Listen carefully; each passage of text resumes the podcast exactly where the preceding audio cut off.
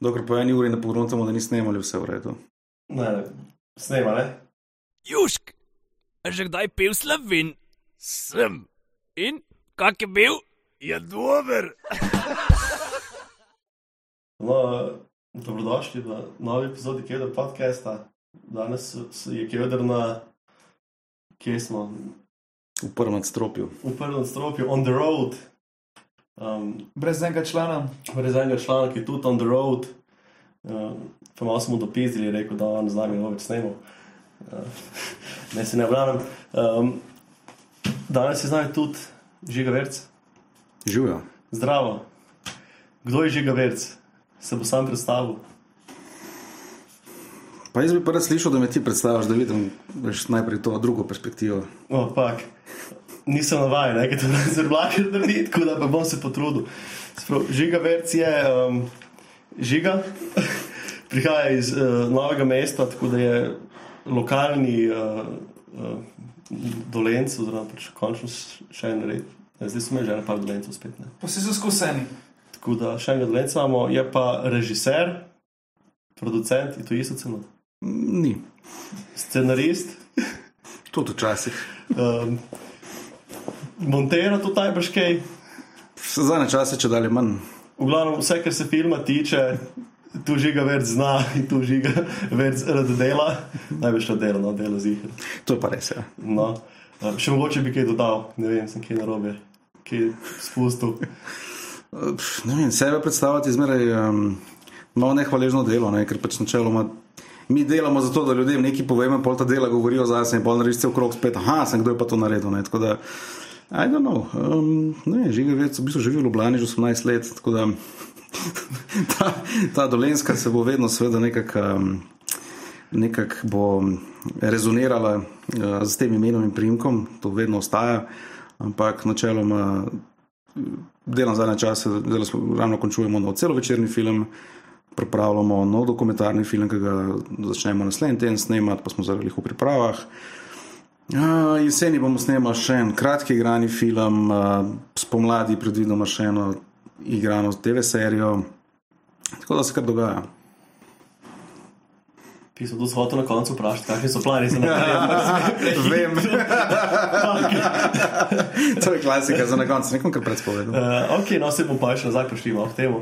Um, začnemo zmeraj na ponovadi začetku, no, ok, pri nekaterih filmih začneš glih pred koncem, pa imaš ono 4 dni prej ali pa 24 ur prej in pač pa uh, veš, kaj se čaka, ampak ne veš, kako prinese do, do te situacije. Mi bomo kar klasično na začetku začeli. Um, Sprav, žiga več, kdaj si začel ukvarjati s filmom, s snemanjem, ne vem, mogoče kdo pozna Peak Destroyer News, Tine Strela in njegove dogodivščine, že tam se omenja tvoje ime. Kakšne so bili, mislim, pač tvoje začetki? Je bil tu ta start ali je bil že kaj prej? Uh, Štart je bil v resnici v srednji šoli, sem hodil na ekonomsko gimnazijo Novo mesto in bili smo tako, uh, ful povezani sošolci, kolegi. In pač jaz sem se še prej ukvarjal s fotografijo in smo rekli, ok, kaj pa če bi zdaj nekaj probal še z videom oziroma s filmom. Imeli smo te neke prve mini DV-ke, mini digitalne kamere. Uh, pa smo pa začeli malo snemati. Se prvi projekt ni bil Tine Strela, so bili te neki mladinski projekti. Tine Strela je bil tudi pač ta kategorija treh kolegov, kot ste vi tukaj, recimo, kot če vsi vi trije zelo lotili pač neki posnet, tako kot zdaj, recimo. Ne. Um, ja, in to so le pač te neke, kako bi rekel, amaterske zadeve, začetki. Jaz sem že pol študirati režijo. Pa se začneš pa s tem malo bolj profesionalno ukvarjati, kar pomeni, po domačem meni, da moraš od tega nekako znati živeti. Ne. Ker še meni pride račun za leasing, pa za kredit, pa v Lidlu tudi ne dajo za ston hrane. Ne. Tako da malo profesionaliziraš to vse skupaj. Ne. In tako se je vse skupaj začelo. Ja. Po, na, načeloma je bila najbolj taka gledana ali pa zanimiva stvar na koncu faksa, ki je bil moj diplomski film Trsti naš. Ta je bil v bistvu nek bolj tak začetek, začetek, je bil tudi nominiran za študentskega Oskarja. Um, in to je bil tudi dosti dober start in povod za nadaljne projekte. Takrat smo začeli tudi razvijati. No, celo večerni film, takrat nismo imeli točno, kaj bo, ampak nekaj se nam je svetilo, da bi lahko v jugoslovanskem vesolskem programu povedali. In takrat je bila ta fake news, je bil blazno prisotno vprašanje ali pa problematika in smo rekli, ok, kaj pa če naredimo v bistvu nekaj, kar je samo po sebi fake news kot primer, kot case study fake newsa. In tako se je rodil Houston, we have a problem, ki je bil v bistvu tudi dost, uh, mislim, je bil zelo uspešen film, imeli smo premjera na Tribeki, um, Robert De Niro je bil tam, imeli smo potem tako podpisano pogodbo z Netflixom, HBO-jem in uh, tako je šlo pot pol tega filma naprej. Ne? Je bil tudi slovenski kandidat za Oscarja, v bistvu je bil veliko, je bilo o njem napisanega, ker tudi avtori moramo iskati neke kreativne načine, kako sploh distribuirati svoje filme, ne? kako jih sploh v bistvu predstaviti publiki, ker Osnovna težava je ta, da v nekih drugih industrijah je dosta običajno, da če daš ti x denarja v razvoj produkta, moraš začeti enkrat to, se pravi, še en x denarja v promocijo tega produkta. Ne. Pri filmih pa v bistvu se financira uh, evropska sredstva, slovenska sredstva, kakršna koli sredstva, že finančna, so večinoma namenjena v bistvu produkciji filma, ne. zelo malo pa, ali pa nič pa distribuciji oziroma promociji. Tle, tle je največji problem, ki ga imamo in potem za avtori bolj ali manj uspešno iščemo kreativne rešitve, kako pa se vsem približati našim publikom. Ampak se ti ne zdi, da je mogoče zelo malo ljudi vedelo za ta Houston Have problem, da je v bistvu fake news. Da so ljudje kratko, mislim, resno vse skupaj zagrabili. To je vprašanje ali trditev? Vprašanje. Če se mi zdi, Ja. ne, nimam statistike, eh, kako so ljudje dojemali ta film. Tega res nismo, nismo šli delati statistične analize. Ampak tako pač iz dojemal tega, ker si ne vem, ko si se skašni, ajde, to, kar ste, ki, si, jih poznaš, še verjetno so vedeli, ampak tako pač z neznani.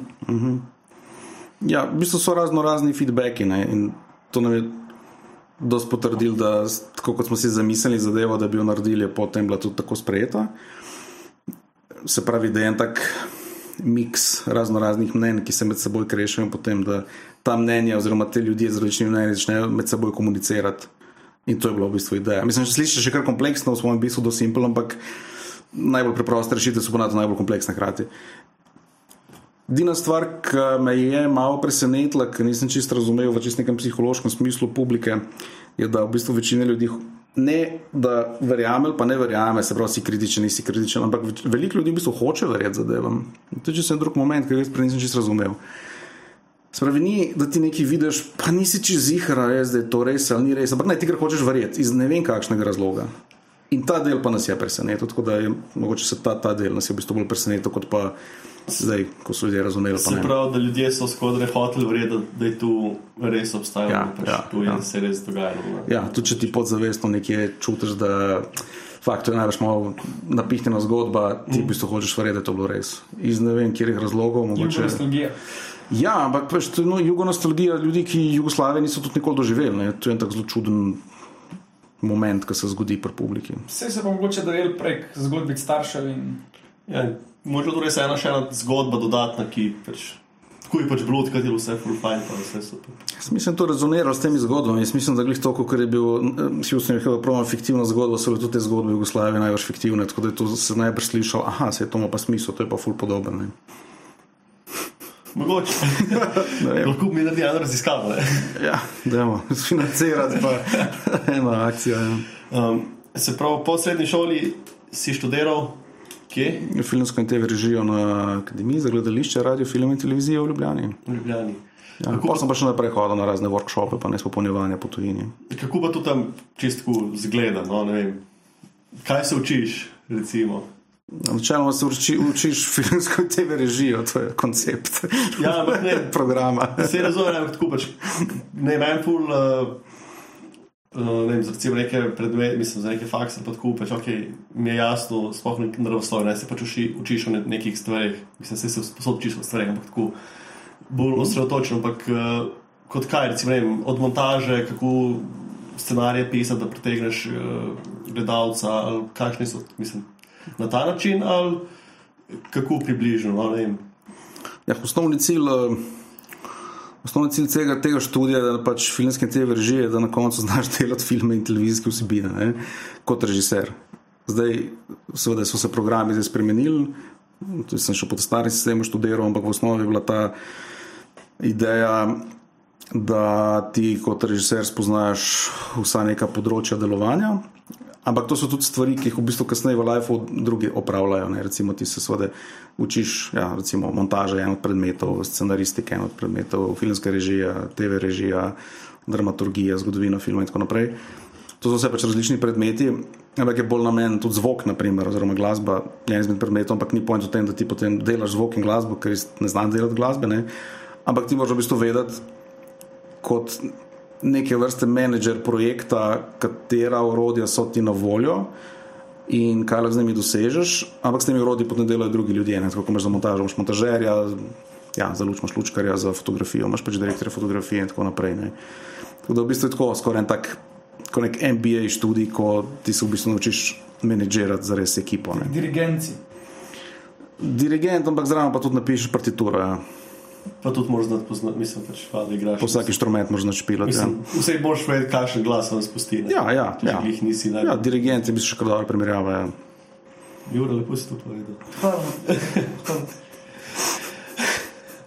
Um, ok, se pravi, ti si rekel za filmsko režijo. Uh -huh. um, recimo razlika med snemanjem filmov, serij, dokumentarcev, mogoče pač so tu neke razlike. Tudi, recimo, prej smo se pogovarjali o nekih reklamah. Um, se med sabo precej razlikuje, pač je drugačen pristop, drugačen sistem, ali pač uh, samo važen tisti tempo, pa ta nek. Uh, pač, kako je kratko, kako je dolgo prišlo. Čisto, kakšne so recimo mogoče razlike pri vodenju teh različnih projektov, ali pač vse isto na enak način se vodi. Ja, to, to, to je zelo široko zastavljeno vprašanje.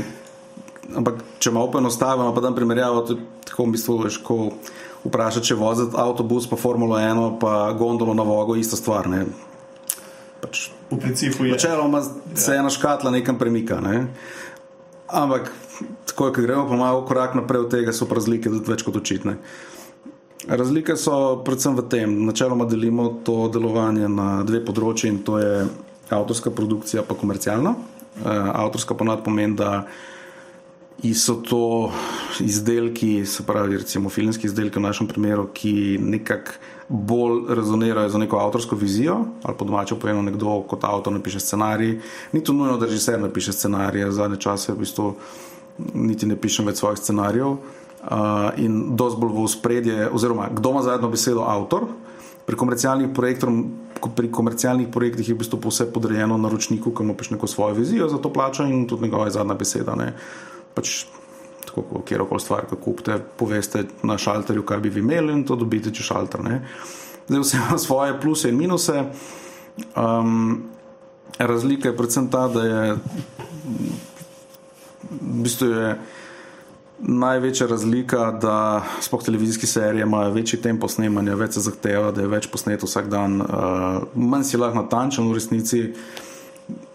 Pri igranih filmih je malo več te svobode, čeprav je tudi problem, da z višanjem cen in inflacijo in vsem tem imamo tudi mi v bistvu če dalje bolj zvezane roke, ker se včasih ukvarjam že s takimi banalnostmi, kot da pač scenografija več ne more kupiti toliko OSB plošč, kot bi hotel, ker pač so šle cene gor za full, ne, včasih se je to kupil, pa se je postavila scenografija, danes je to rado že kot da zlato kupujemo, ne.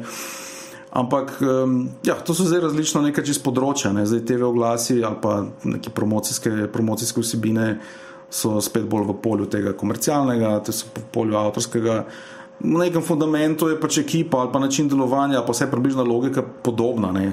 Sem, to je spet tako, ne. Zdaj, pač, da imamo primerjavo z transportom. Ne, sej, en mehki avionček, ena cestna je pač ima podoben koncept delovanja kot Boeing 747. Ne, sem načeloma ne, leti, pa se spusti, pa mora pristati, ne, ampak razlika je pa spet velika. Ne. Tako da tudi tle nekje smo v tudi v kompleksnosti teh produkcij, ne, ker včasih dobesedno, recimo, celo večerni film, ki ga mi lahko delamo, ne vem, snemamo en mesec, ima lahko isti budžet kot na reklama, ki snemajo dva dni. Ne. Se pravi, kaj pa rekel, kaj film je, je Boeing ali je. Kako bi jih recimo, mogoče, kaj, kaj teže posneti, recimo, ajde. Kaj bi? Ja, veš kaj, vse ima prednosti in slabosti. Ne. Na tam malih aviončkih se lahko sam voziš, kamor ti paše. Ne. Če voziš več ga Boeinga, pač je to v mesecu naprej določeno in to špuro lahko ti peleš in to je to. Boeing je komercialna zadeva. Uh, tako da zadnje čase nam nekako uspeva delati dosta uh, avtorske stvari. Zdaj se tudi avtorske zadeve niso zdaj, da si ti kar nekaj spomniš in zdaj upaš, da bo nekdo to financiral, ampak v končni fazi to full stvar natančnega premisleka do nekih trendov. Tukaj so v bistvu avtori zadnje čase zelo. Reko, malo vrtimo v tem krogu, ne, ko si, okay, si avtor z neko idejo, ampak trenutna scena, na, v bistvu nek, svetovna scena filmskih festivalov je taka, da se zelo ve, katere teme se podpirajo in katere teme niso zanimive. In če dalje manj so orientirani proti publiki, pa če dalje bolj proti določenim specifičnim temam. Um, tudi fulje je pomemben, uh, da imaš, ne vem, že dobesedno, ko smo se jih prejšnjič prijavili na eno delavnico na Sundance, uh, hočejo vedeti ne samo koliko je moških, žensk v ekipi, ampak tudi kakšna je spolna usmerjenost, če še kdo je invalid, rasa, vse, vse. vse. To, mora vse biti, to mora biti vse kljubce, kljubce, kljubce. Netflix serija. Pa. Ja, ne vem, zdaj kako oni delajo. Ampak... Ne, pa če vsak zdaj Netflix novi seriji, imaš vedno tam na pol tega enega LGBT. Ja. In da so vsi pripadniki. Kaj ti zmanjka Kitajcev? Recimo, ne, tako, da pač nimaš Kitajcev ali pa neki, ki jih hoče. Vedno pride polno tam ovčal. Ja. Oni izpolnijo to azijsko kvoto. Ja, prav, te stvari so zdaj kar pomembne. Se pravi, so pa že kot nek avtor, ko imaš neki napisan, nek scenarij, moraš že v bistvu med pisanjem upoštevati, da boš neke klopce, kot bi si rekel, pač dubu. Načeloma gre neka kombinacija lastne vizije, pa kam lahko to vizijo zdaj mi apliciramo. Ne? Ker v končni fazi. Mene lahko zanima sto različnih projektov, mislim, to ni zdaj, da imam en projekt, ki ga bom zdaj pet let delal, in tako me noben ne bo plačal za kaj tasga. In zdaj, če tudi teh, mislim, ne pravim, da imam zdaj sto projektov na mizi, ampak recimo v nekem zelo abstraktnem smislu jih je lahko skoraj nešteto. Ne? In zdaj, če ugotovimo, da okay, si jih omejimo na sto, pa če vemo, da deset od teh je lahko potencialno zanimivih in za publiko, in za festivale, pa vlada, da bomo zbirali nekje med temi. Ne? Se pravi, ti v osnovi moraš imeti neko svojo vizijo, se moraš pa tudi zavedati, kaj točno lahko s tem dosežeš, pa česa ne. Mislim, ni nujno, ne lahko si avtor, ki se s tem sploh ne obada in se to ne sprašuje, ampak glede na to, da te projekti vsem trajajo leta, najbrž hočeš vložiti leta svojega življenja v to, da pač nekdo to potem gleda. Ne. Spravi se skoraj, da malo je ta umetniško izražanje malo uh, omejeno, zelo pač malo se moraš po trendu obračati. Mogoče, da imaš večjo možnost, da te vidijo, da to pazi. Da pač Načeloma. To, da se avtori ne obračajo po trendih, je po mojem bolj neka iluzija, ker po mojem, tudi Ivana Kobilica dobro vedela, kakšni trendi so. Bila je v Parizu, videla je slike, ki nastajajo in je potem ugotovila, da ok, jaz lahko tudi nekaj tasga naredim. Ne. Ker je to več kot evidentno, ko že gledaš zgodovino, se noben avtor ni nikoli bil, aha, zdaj pa je čisto iz nule nekaj naredil, vedno bilo še nekaj predtem, zgodil se je nek spin-off, veliko ljudi je v bistvu šlo na ta isti vlak, ne od renesanse dalje v končni fazi. Tako da tudi tukaj je nekaj podobnega, pač zdaj je nek vlak, mi skačemo na njega, pa iz njega, včasih zvržejo iz njega, ampak um, seveda neka relevantnost pa je stvar, ki pač moramo slediti. Ampak je pa tudi ime v bistvu zelo pomemben, ker si ga ustvariš, verjetno se ne rabiš toliko trendov držati, kaj že narediš na 50 uspešnih projektov, bojo lahko šli neki pogled zaradi zanimanja, ker si pač naprimer ti to naredil. Ja, ime je seveda podobna stvar kot brand. Spravi, ime je brand. In zdaj, nek brand, um, tudi ostali, čist potrošniški brendi. Če pač ne vem, greš kupovati čevlje, pa kupiš najk čevlje, pač veš, da bo to približno dobro za hoditi. Podoben je par avtorjih, ne zdaj, če je nek avtor, ki je pač naredil že veliko dobrih filmov in če boš naslednjega gledati, imaš dobre šanse, da bo spet dober film. Ne. To je vsa matematika, ja. se pa tudi marsikomu dogaja, da naredi, ja, ful dobrih filmov, potem pa ne dela več dobrih filmov, ne. ljudje se spreminjamo. Doskrat je že problem v tem, da kakšne ideje padejo od tega, ko padejo ideje, do tega, da je film dejansko narejen. To lahko traja pet let, ravno ta poslednji heroj, zdaj, ki smo ga posneli, to besedno pet let. Mislim, imaš ti že problem, da ko si v montaži ugotoviš, da pet let nazaj si ti že malo drugače razmišljal in svet je bil malo drugačen, kot je danes. To se je začelo daleč pred korono. Ne? Ja, mi moramo v bistvu full paziti to, da delamo stvari, ki pa so dosti timeless. Ne? Da pač veš, da če danes nekaj kul, cool, ampak to mora zdržati čez 3-4-5 let. Prav, da si mogla biti poslednja herojka, mogoče. Imaš približno prav. Kakšen pa je ta proces od neke tvoje ideje, pa do tega, da to spraviš na papir, pa da se začne to nekaj premikati, magari že snemati? Ti si v bistvu scenarij si sam pripravil. No, konkretno za ta film smo za scenaristko Izo Strehor pisala uh, scenarij. Uh, sicer ta film zdaj, zdaj smo še, imamo kar nekaj projektov v razvoju, je pa recimo koncept ta, da dosta ona napiše scenarije, potem to se jaz vključim v ta proces neke revizije ali pa neke izmenjave mnen, potem je pa tak naslednji korak pridobiti sredstva. Zdaj lahko gremo na, večinoma so to javna sredstva, recimo pa nas je to Filmski center, RTV Slovenija in tako naprej. Imamo evropska sredstva, imamo medije, imamo Eurimaš, drugače so potem pa države eh, v smislu koprodukcij. Recimo poslednji heroj je koprodukcija Hrvaške in Grčije, kjer imajo potem še svoje nacionalne filmske centre. In s tem se nekako sestavlja finančna struktura. Ne. In to problem je, ker to včasih trajalo tako dve leti. Um, ker pač realno to, to izgleda tako, da se mi prijavimo lahko na razvoj, na razvojna sredstva in s temi sredstvi mi dalje razvijamo scenarij. To je v teoriji, če dobiš. Ne. Zdaj, seveda, lahko pa ne dobiš sredstva za produkcijo. Če smatramo, da je projekt dovolj razvit, lahko se prijavimo na sredstva za produkcijo ampak slovenska sredstva ponad ne zadoščajo za snemanje celotnega filma, zato moramo potem koprodukcije delati. In seveda je problem, je, ker se to meseci obračajo, ne? ti se prijaviš in rezultati so tako čez pol leta, mislim, dobesedno. Ne? In zdaj seveda ok, tudi če si dobil sredstva, veš, da jih imaš recimo pol zdaj s tem. In seveda lahko je naslednji ta. Um, naslednji deadline za neko prijavo v neki drugi državi, spet čez pol leta, kar meni, da se boš Šele čez pol leta bojo koproducenti se prijavili, pa njih pa tudi, pa njih bo to trajalo spet par mesecev, ne se lahko lepa pa obrne, preden ti sploh veš, ali imaš naravno. Ampak kaj pa to pomeni, da delaš v koprodukciji? Oni mm. pač financ, so financirajo, ampak kaj pa njihov vložek, poleg finance, še kaj drugega ali pa samo to? Pa imaš naprimer kaj pri njih snemati, imaš kakšne njihove igralce. Da... Ja, različni koncepti so. Zdaj najbolj popularni so te, da proporcionalno, kot tista država da sredstev, da tok nekaj ti porabiš njihovih resursov. Um, Mač konkreten primer, recimo ta film, zdaj, ki smo snemali, imamo za drugo glavno vlogo grško zvezdnico Angeliki Papulja, ki je nastopala tudi v Lobsterju, pa v Doktutu in tako naprej. In je prišla sem v Slovenijo in tukaj smo skupaj posneli film. Potem smo šli pa v Grčijo delati še postprodukcijo slike pa zvoka. Tako da je bil en ta cel paket. Tako nek absolvent v Grči. v bistvu je to nekaj postprodukcijo, pa te stvari, pa še dobro, te sredstva njim namen na promocijo filma. Če ga drug film posnel. Zdaj, tako ne, pri vseh teh javnih sredstvih so potem podvržene revizijam in zelo natančnim preverjanjem, tako da kakršnih koli mahinacij ni.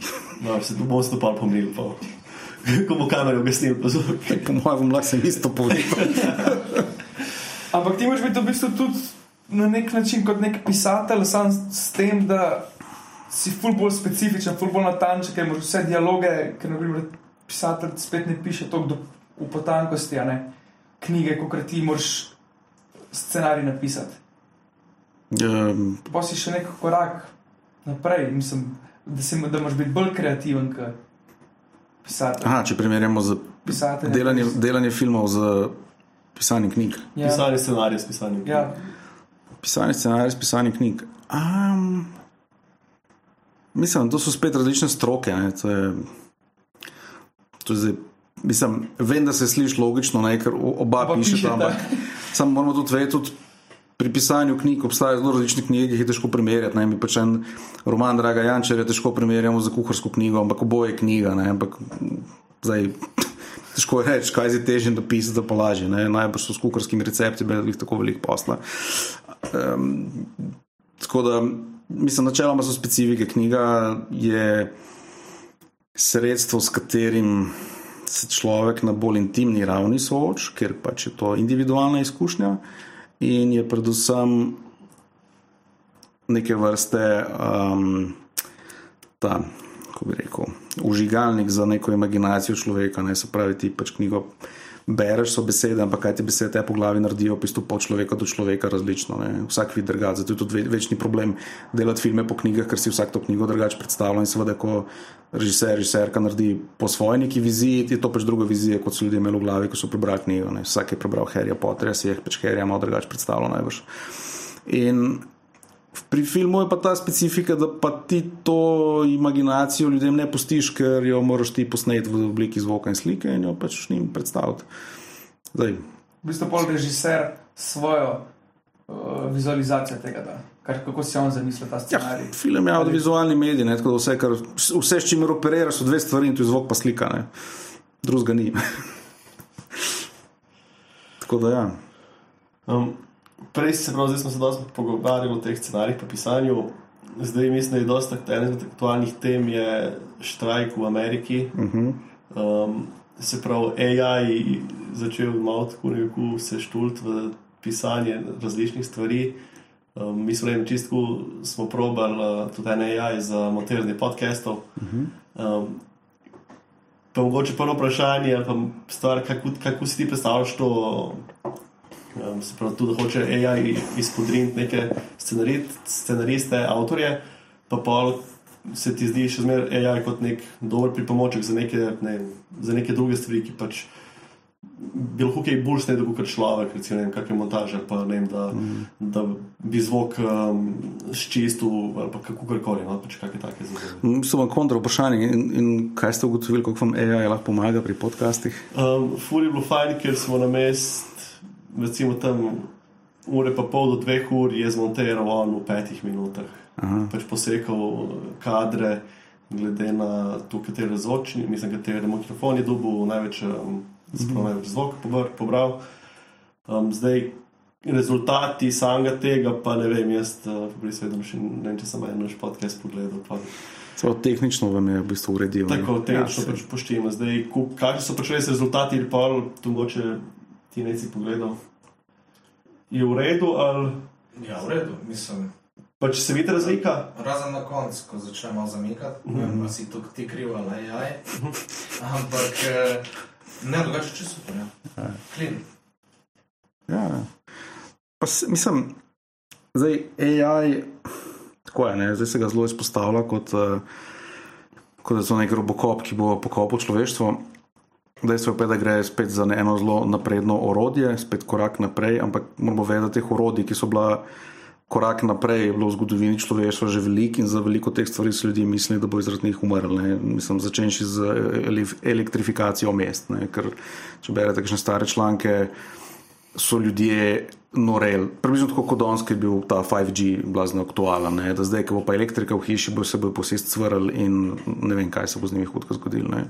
Tako da moramo vedeti, da to je zelo repetitivna stvar, ne? če malo zgodovinsko pogledamo, da vsak nov dosežek tehnični ja, je vedno razdvoji ljudi, eni se ga ustrašijo, eni ga pa znajo uporabljati kot orodje v svoj prid. In AI je nekaj zelo podobnega. Sveda, mi smo ga že veliko sprobavali.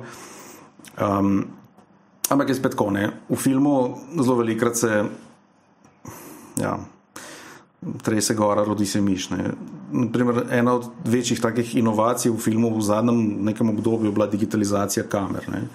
In takrat, mislim, da se še spomnim, ker to je bilo tako tipa dobrih 20 let nazaj, da so ratale bolj nekako uh, dostopne, tudi filmske kamere, digitalne, da se ni več snemalo na filmski trak, ampak na, na diske. Ne.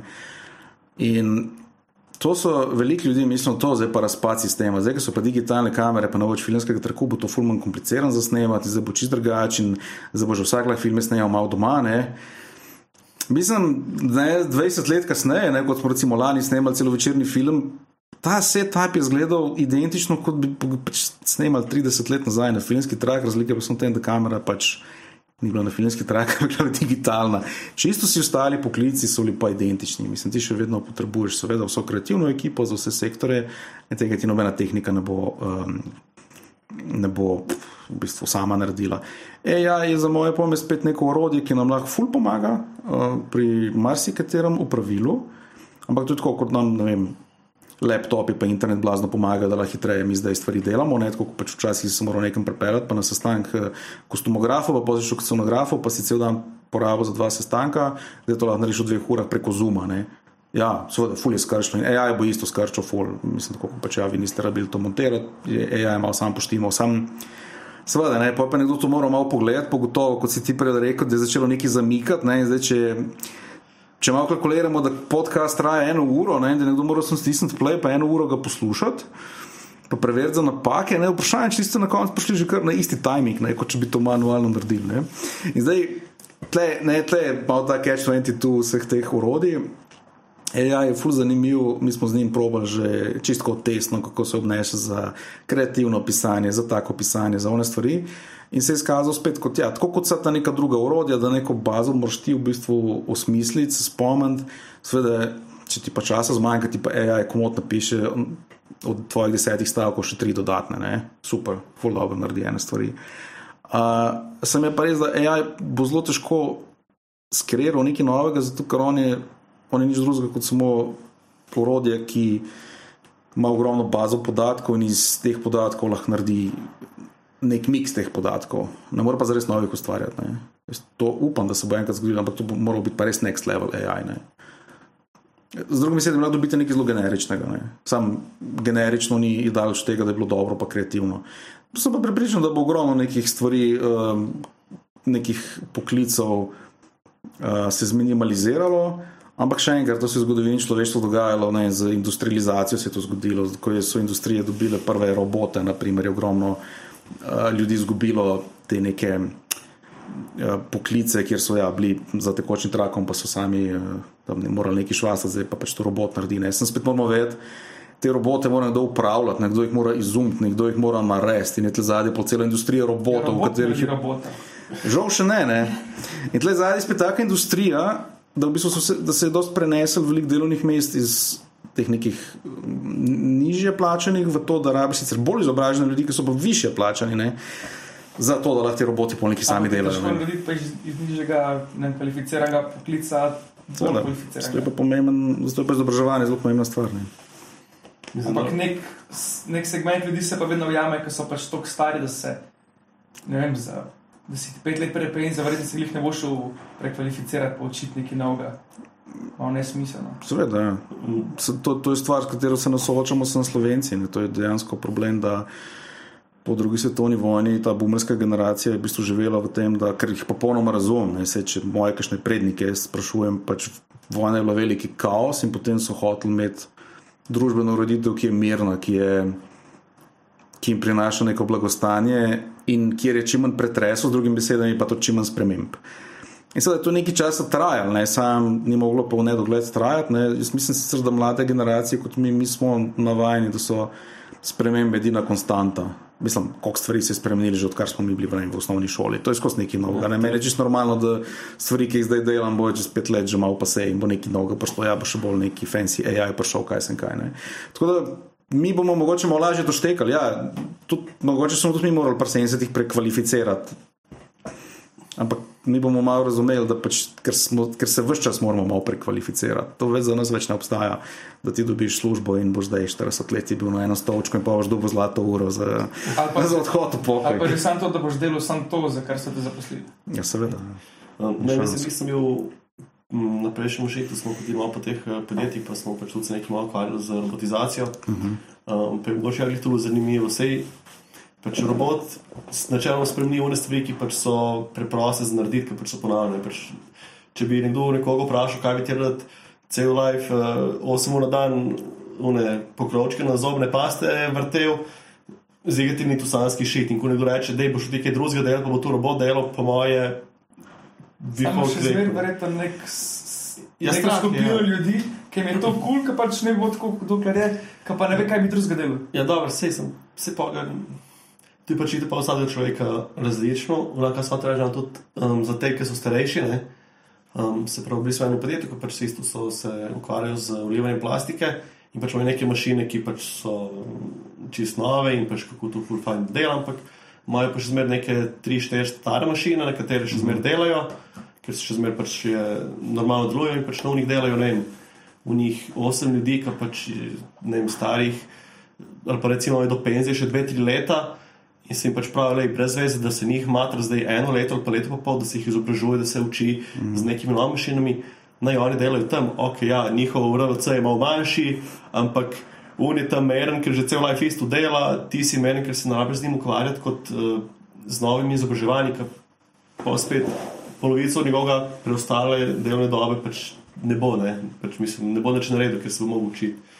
Tako da se mi da tudi neka večina teh firm, teh starejših ljudi, pač ostanejo, obdržijo še tiste neke Muzejski del.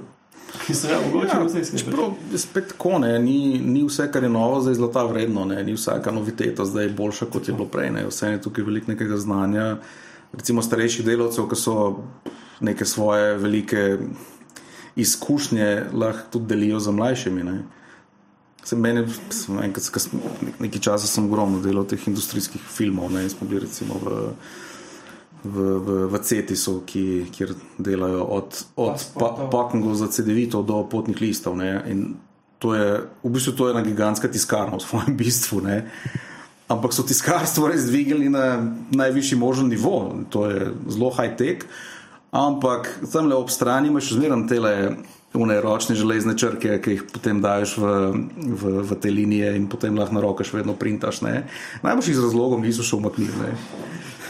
Zihar, zihar. Ja, ta malo. Če štroba zmanjka, Ta Gutenberg varianta. Ja. Tako da, ja. Sem zdaj odvisno, ne, zdaj tudi, kako ljudje gledajo na vse skupaj. Recimo, ena stvar je tudi ne, vem, bančništvo. Ne, imaš, če so starejši ljudje, ki so dal. Ki so izku, izkusili zadnjih 50 let nihanja, devalvacije valute, inflacije, 80-ih, vse živo. Danes najbrž malo večjo mero nekega zdravega razuma gledajo tudi vse te kriptovalute in podobno in razumejo, da pač mlajša generacija to gleda kot a kripto, s tem se da fuz zaslužiti, pa zdaj se je to že malo nehalo, zdaj, zdaj, zdaj smo že malo prišli na realno tla. Ne? Ampak svoje čase je bil to velik hype v svojem bistvu. Ampak vsi, ki so izkušeni v bančništvu, so točno vedeli, da je to navadna špekulacija. To je približno tako, kot če se mi zmejemo, da je škatla tam nevredna Jurja. Ne? Zdaj, seveda, če Če si mi, dva. Ja, zdaj, če ti daš dva, ne, pa on tri, ta sistem laufa, ne, in dokler sem s njim pripravljen tri, da on meni to, to sistem gre, ne, ampak ko so bili še štiri odločimo, da je to navadna škatla, ki ni vredna nič, pa zastrambaš, ne, pa, pa sem vrednosti pade, ne, v bistvu vrednost stvar, samo stvar, ki se mi, mi zmenimo med seboj, ne. Pa v bistvu še dobro, da nisi snimal kakšnega filma o kriptovalutah, ker preden bi to začel snemati, pa prišlo, verjetno ne bi bil več aktualen. Ja, to je klasični problem, ja. Sicer tako dokumentarni filmi so mogoče malo manj problematični, zato ker jih lahko tudi hitreje prilagajaš. Mislim, dokumentarne filme včasih še v montaži na hitro nekaj popravimo, da so aktualni, pa da so mogoče še update, tik preden grejo ven. Ne. Um, pri igranih je pa to Mission Impossible. Sam je spet tako, ne. Poznavanje sveta, razumevanje sveta je bistvena stvar, ker pol ti lahko mečkam zaslutiš, kaj mogoče pa bo čez tri leta s tem. Ne. Mislim, kriptovalute je bilo točno to. Lahko lah bi bil to nek uspon neke digitalne valute, ki bi jo tukajšnje države prevzele. Sicer z večino ljudi, ki se pogovarjajo, ki so iz stroke, so rekli, da najbrž ne. Tako da bi že kot filmer videl, da aha, okay, zdaj bo eno ali pa drugo. Sem končal, ti lahko narediš film, ki funkcionira za en in za drug ekstrem, ki se zgodi. Ne. Se ni zdaj, da če ti ne delaš neke promocije nečesa, ampak samo daješ nek špego temu, pa lahko to funkcionira, ne glede na to, kaj se pa zgodi. Ki ni celo, ki je Venezuela celo nekaj prevzela, Bitcoin ali kako. Mislim, da je tam Južna Amerika, da se ni, da je neka država celo šla pač v to, da bodo to nekako. Pa se ti ne zdi, da je včasih za kakšne stvari boljš, da se jih sploh ne omenja, ker pač tudi če daš samo v gledalo, kot si rekel, pač da je to spet uno, tudi slaba reklama je dobra reklama. Da pač so kakšne stvari, da, da sploh niso vredne, pač, da bi jim dal neko pozornost. Ali misliš, da bi vsako stvar, iz vsake stvari lahko nekaj naredil, ali dokumentarce ali karkoli.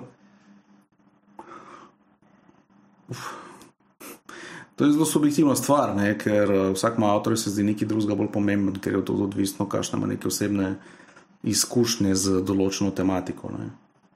Uh, tudi te izkušnje se spreminjajo in je to zelo, zelo subjektivno. Stvar. Tako da je zelo težko reči, da zdaj neka tema pa ni vredna pozornosti. ne. tako, da si si rekel, tega pa ne bi, o tem pa ne bi snimal. Ja, mislim, mene tako kot vsakega poprečnega človeka ali pa zemljana, ene stvari zanimajo, ene me pa ne zanimajo. Recimo, res se mi ne da s športom ukvarjati, mislim, športnimi te- temami. Naprimer, ne. Ampak to je nekaj čisto subjektivnega, ne pravim, da se ni splača delati. Ogromno je blazno uspešnih športnih filmov, ne bili prej smo imeli debato v enem drugem intervjuju, ker sem rekel, da je super, ne, eh, mislim, slovenski športniki so blazno uspešni. Je pa res zato, že ker malo disproporcionalno rado nek gradnik narodne identitete. uh, kjer je vse samo pozitivno in, in se govori samo v superlativih, ker vemo, da vsaka stvar, mislim, to je zakon narave, da vsaka stvar ima lahko več pozitivnih stvari, ampak vedno je pa še nekaj zade. In Mene osebno zmerno zanima, kaj pa tisto zadaj, pri vseh teh stvareh, kjer- o katerih vsi sem v superlativi govorijo. Tako da ne vem, ali bi zdaj ful primeren ravno zaradi tega, da delam kakšen film o športu ali ne. Sam večinoma gre to za te neke tako rekoč komercialne. Na pol promocijske filme, kjer pač ja, ne, če delaš ti film o futbalu, pač moraš pridobiti, seveda, navijače, fane futbola in narediti film o tem, kjer vsi pridejo in radi pogledajo. Pač, Futbol, ne noben noče gledati, zdaj kaj pa zadje, pa mogoče ni to tako fajn. Tako ne, mislim, to so pač te stvari, ki seveda se pa vsak sam avtor odloči, kaj mu zdaj rezonira, kaj ne. Ja. Pa imaš drugače, rajiš igrane filme ali uh, dokumentarne? Kaj se sam rajiš delaš?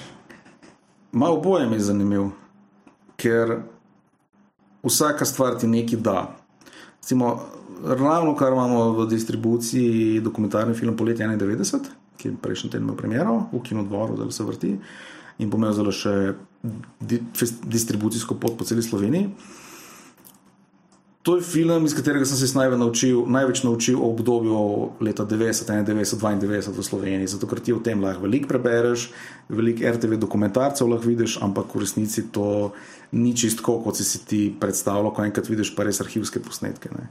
Ker smo šli delati iz arhivskih posnetkov dokumentarni film in ti dejansko vidiš, kako to zgleda pri ljudeh doma. Pač to je nekaj, kar je bilo meni verjetno pogled v obdobje tistega časa. In tudi, če bi se lotil zdaj delati igrani film, bi to bilo nekaj neprecenljivega, da sem lahko bil del tega. Ne. Tako da načeloma lahko do, do se dopolnjuje eno z drugim. To, kar si rekel, da se distribuira zdaj po kino, po, zdaj v kinodvoru. ali kako? Uh, zakaj pa mislim, a to se da tudi, bo se dalo pol kaj, na splet ali vse v bistvu v kinodvoranah? Mislite, da me da ideja, da se bo da naprimer ta pay-per-view, mm -hmm. v bistvu plačaš, včasih ti je lažje nekaj od doma gledati, ko smo se zdaj navadili časa korona naprej, kot pa da greš v kino. To si zadeval zdaj eno zelo pomembno temo, ki največ ne bomo zdaj rešili, ker eh, reče se ji pa distribucijska strategija. Problem je v tem, da film pridobiva na vrednosti glede na prepoznavnost v nekih strokovnih krogih. Mislim, strokovni krog je tudi kinodistribucija v svojem bistvu. Se pravi, kinematografi so to prepoznali, pa art kino mrežo v tem primeru, kot film, ki je kvaliteten, primeren za javnost. To za sabo seveda privabi tudi uh, medije, novinarje, v končni fazi mi zdaj le snemamo podcast. In ta film pridobi na neki prepoznavnosti, posledično pridobi publiko. Najslabša stvar je, da ti film samo na internet. Lahko je vrhunski film, če ga zdaj damo na YouTube, to bo šlo mim kot eden izmed milijonov drugih YouTube posnetkov. In to je klasični catch-22. Ja, film pride v kino, pa seveda se sprašujemo, ali la, mi bi to raje doma pogledali. Ja, ampak mi bi to radi zdaj doma gledali, zato ker je bil film v kino. Če tega filma ne bi bilo v kinu, če ti sploh ne bi vedel, da ta film obstaja, si tudi ne bi želel ga gledati. Ker druga pot pa je, laga daš pa seveda na VOD, kot na Netflixu v končni fazi, sam moraš imeti ogromno sredstev za promocijo, če se pim ponad nimamo. Tako da moramo iti v bistvu po vseh teh kanalih. Meni je žal, ampak včasih mi posnamemo film, pa čakamo vem, en let, preden to lahko damo v kino. Sam moramo iti čez festivale, ker če ne gre čez festivale, se zelo malo zgodi pol s tem filmom. Ne. Ampak še zmeraj pa lahko na koncu tega prišla še neka spletna. Seveda, sej, recimo v Houstonu imamo problem, je bil potem po kinodistribuciji takoj na HBO in na Netflixu, tako da kdorkoli si hotel doma pogledati, si ga lahko pogledal. Ne, ker naprimer jaz te dokumentarce doskrat na internetu gledam na pota RTV 4D. Uh -huh. In je super, no, ampak to me še zanima. A RTV v bistvu dosti dokumentarcev tudi samo zakup, ali kako je to, ker ne vem, sem hotel pol čez en let za nazaj gledati, pa ga ni bilo več. Ja. A to kaj samo nam za en let pravice, ali kako so te pravice? Ja, ja, ja. Uh, se, to ni, zdaj, kako točno RTV funkcionira, spet, ni, nisem uh, ekspert, ampak večina televizij funkcionira na par različnih načinov, kar se tiče pridobivanja uh, recimo dokumentarnih filmov v tem primeru.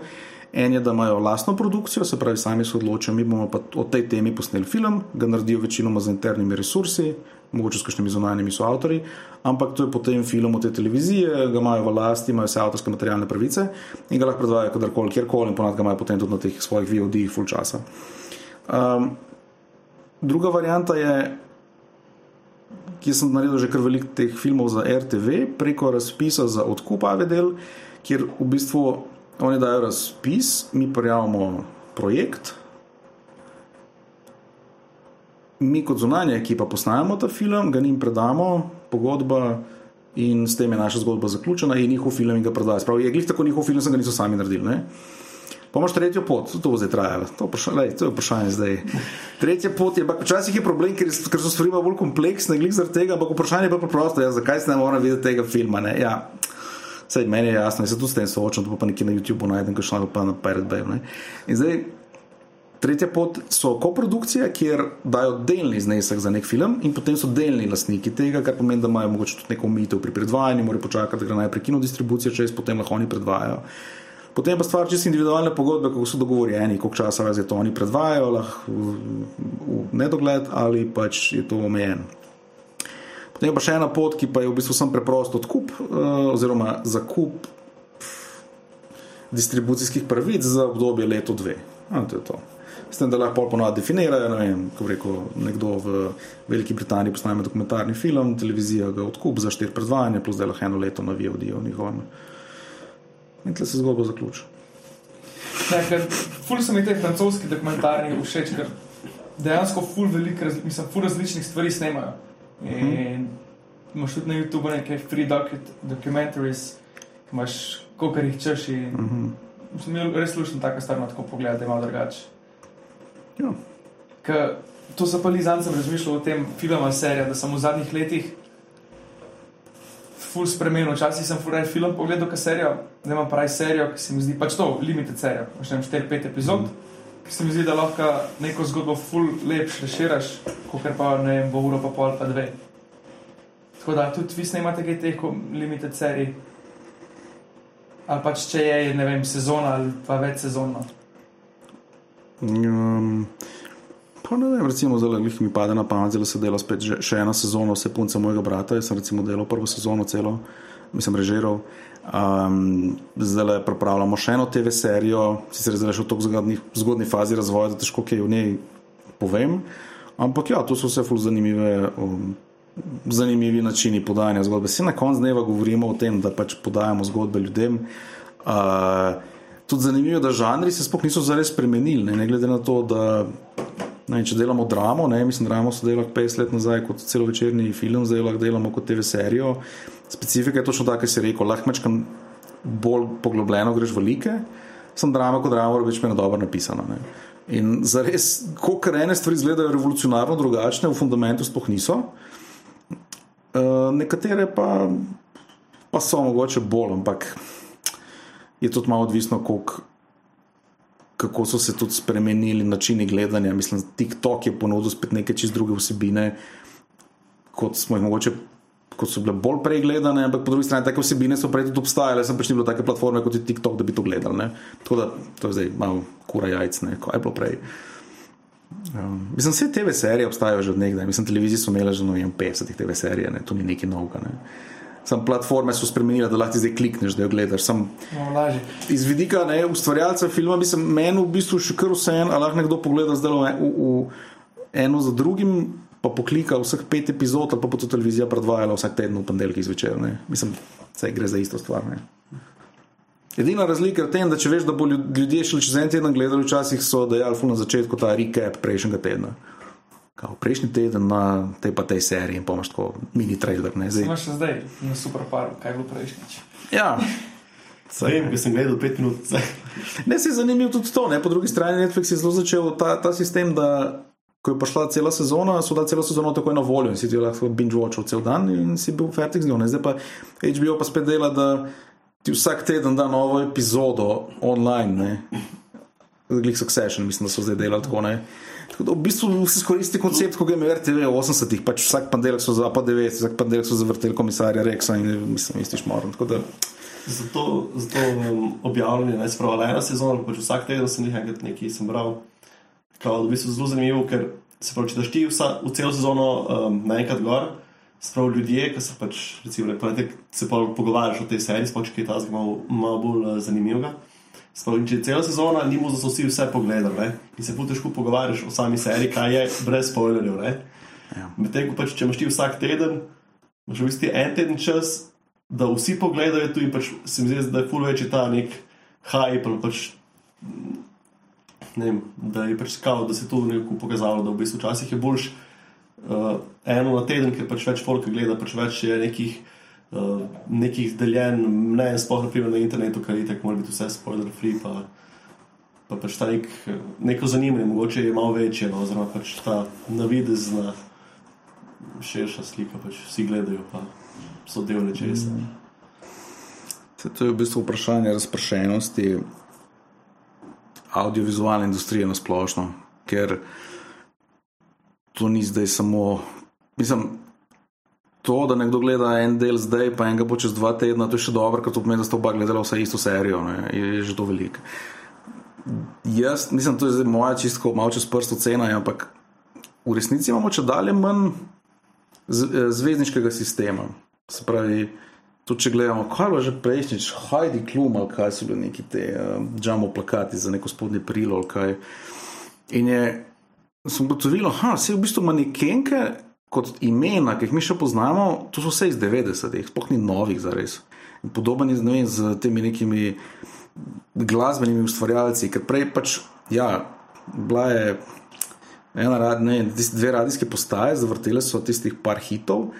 In to je bilo to, in vsi so to poslušali. Šel si v trgovino s CD-ji, pa kasetami, in tam je bilo pač tistih par kaset, pa CD-ji, in si jih kupil in si to poslušali. Ne? Ampak to je v praksi tudi pomenilo, recimo, bitli, ki so bili tako močni. Ne? Ampak problem je bil v tem, da so po moje lastniki, spravi kapitala, spravi založbe in distributerji, tako naprej ugotovili, da mogoče ni tako dobro imeti avtorja, vse pa režiserjih je isto, vse večina imen, ki se jih mi spomnimo od teh večjih režiserjev, to je spet neki 90-ti, razni Steven Spielberg, Michael Bay in podobno. Mislim, ti imaš zelo, ne vem, a imamo danes 20-letnega Stevena Spielberga, naprimer, ni, ta, ni tazga človeka, vse je razpršen, vse za večino filmov na Netflixu spomnim, da jih je režiral. Ne? Ker v bistvu moje mnenje je, da te ljudje postanejo dosti hitro nevarni, ker imajo tako veliko ime, radijo tako močen brand, da postanejo močnejši kot pa ljudje, ki so najbolj nad njimi, se pravi, študiji, distributerji in tako naprej. Ne, so, kanje. Okay? Kot kanje. Ja, na nek način. In, ne, če, če gledaš recimo Apple Music, ne, Apple Music dela blazno na te razpršenosti. Ti samo odpreš Apple Music, pa ti kar lahko scrollaš in scrollaš in scrollaš. Tam ni zdaj, imamo enega, ki je zdaj, nimamo enih bitlov. Mi imamo 150 tam izvajalcev. In to je teč ta razpršenost, pa noben od njih nima zares neke močne pogajalske pozicije, da bi najma zahteval večji, večji, večji delež in tako podobno. Če imaš kokoška, ti ne se zlata jajca, ne ti hiter pobegne, kam če je ne potiš ja. lepo, kot ja, paše. Ja, ja. To, to, kokoška ne zlata jajca. Točno če imaš pač malo ne piščančki, ki malo serijo, ti si pa fajn. Ja, e, ta razpršenost je zdaj ta specifika, ki je pač ratala. No, vse to je tudi tisto, ki se je rekel, da je problem zdaj, da noben. Ja, seveda, ne, seveda, včasih je pač je bila ena televizija, tako rekoč Sloveniji, posebej Pop TV, pridružena nekje, kost neka 90 leta. Bila. In pač ja, kar se je takrat vrtel zvečer, naslednji dan smo vsi to vedeli, ne, ker je bila velika omejenost vsebin, ki so bile na voljo in te so bile zelo, zelo natančno plasirane. Kot je ta NMK, pa je pol Juri zrnes bil pa a si tudi odpadel. Pa... To je bilo kar naenkrat, takrat imamo monopol za ponedeljek zvečer, kdaj bilo to. Ja, ja, ja. Vse ne vem, imelo je svoje prednosti, svoje slabosti. Ne? Ker če si bil del tega, je to bila velika prednost. Uh, vedno je bilo ogromno avtorjev, ki pa niso bili del tega. Vse to je bilo tudi vem, v, v glasbi v 60-ih, pa je bila Marijana država, pa vse te popularna glasba. Ne, sveda, takrat je bilo par velikih zvezdnikov glasbene, glasbenega sveta slovenskega, sem pa tudi veliko ljudi, ki so tudi tako znali pet, pa niso nikoli prišli na vrsto. Ne. Zdaj, načeloma, več ljudi lahko pride na vrsto, ampak vsak od njih malo manj izstopala. Mislim, da je simpel matematika, se ja. ni, ni to. Dolg denar je, več kot besed, manj pa se dobi. Ja, ali pa toliko ljudi, ki lahko poslušajo, pa gledajo stvari. um, prej si omenil te Spielberga, pa, pa Beja. Imaš ti mogoče še enega? Um, režiserja, ki pač ti bil, ne vem, da ti njegov stil zelo všeč, ali pa da imaš kot nekega, ne vem, mogoče vzornika ali pa kaj. Ali, niti ne, pač imaš to svojo pot, ki jo voziš, si niti nočeš preveč z unimi drugimi ukvarjati. Oh, mi skozi gledamo, spremljamo, kako se le da večino te avtorske, evropske, pa svetovne produkcije. In teh filmov je res ogromno. Pa načeloma ti potem vsak film rezonira zaradi tega, zaradi onega, in so zanimivi zaradi te perspektive, drugi z druge. Tako da ne vem, več let, ko sem na tej zemlji, imam, ah, zemlja pa en avtor, je pa, to je pa to. Ne. Veliko je dobrih, tako da zdaj mislim, težko jih našteti. Seveda je tudi odvisno, ali zdaj gledaš bolj profesionalno ali bolj, tako, pač, kaj te zanima. Ne. Uh, sem jih prej omenil, Succession iz serije, ki sem jo gledal, ker niso njihovega fotra zdaj ubili, pa upam, da ne spojim preveč, ampak to je zdaj, ne, meni, lej. Kaj pa vem, ne, kaj pa vem. Ne. Tako da, še prejšnji teden bi rekel, da bi jaz to pa res, to je pa meni, da best, zdaj se mi zamežem. moment. Hočem reči, to danes sem kot primer, da pa se te stvari malo spreminjajo. Pa Tako sam da res nimam. pogledaš film pa serij, mislim, z- za namene službe Mislim, ali zaradi osebnega zadovoljstva. ja, kakšno stvar pogledaš tudi zato, ker mislim, moraš, ker je fajn poznati. Uh, še vedno imam rad svoj poklic, tako da rad gledam filme posledično, da ne pomote, ker drugače to pač enostavno ne funkcionira.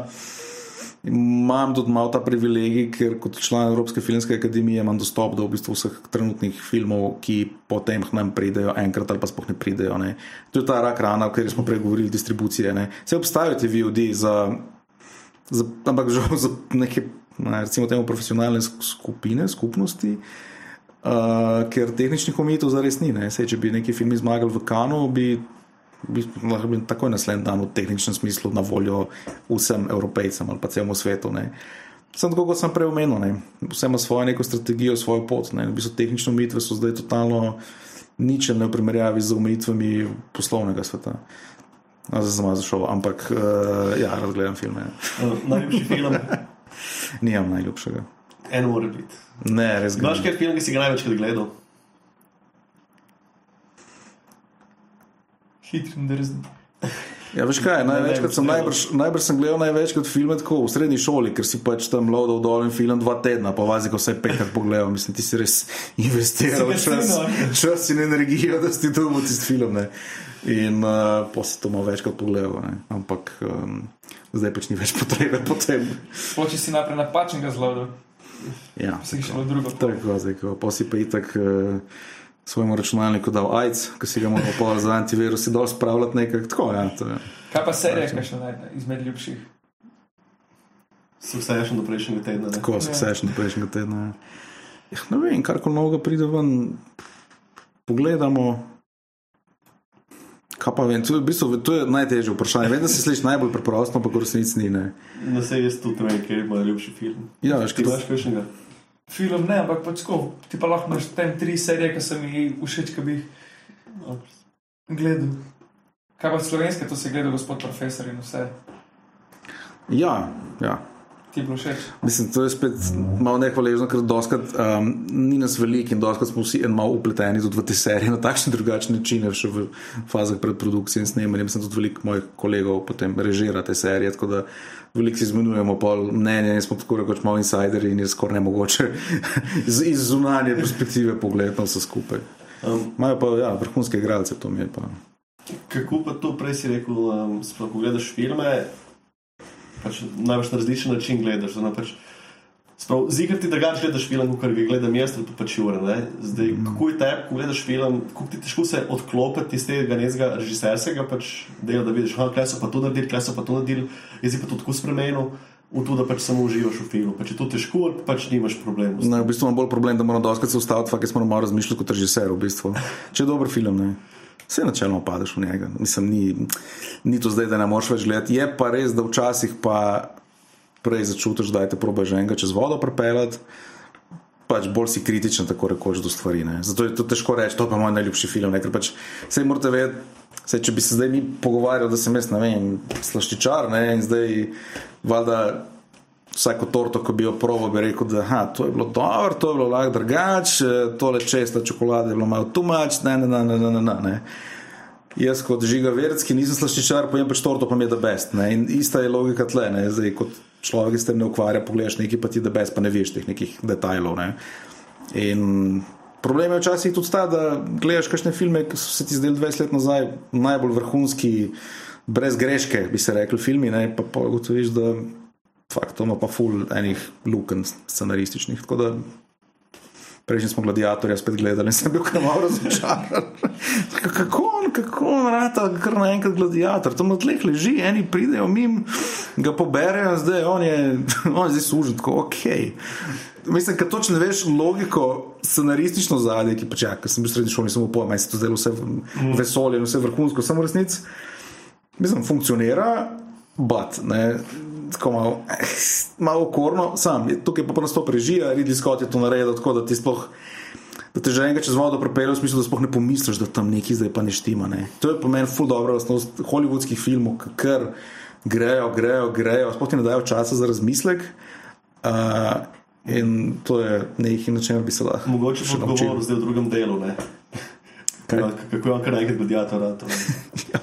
Zdaj čakamo drugi del, ja, se vemo, kaj bo iz tega, ampak ok, čakamo pa ga. Kaj pa kakšen ta uh, inovativen oziroma modern način snemanja, kot ta film, ki so snemali vse v enem šotu, uh -huh. ali pa da imaš več možnih koncev, da v bistvu sam zbereš. To si tudi razmišljal, kaj v tej smeri.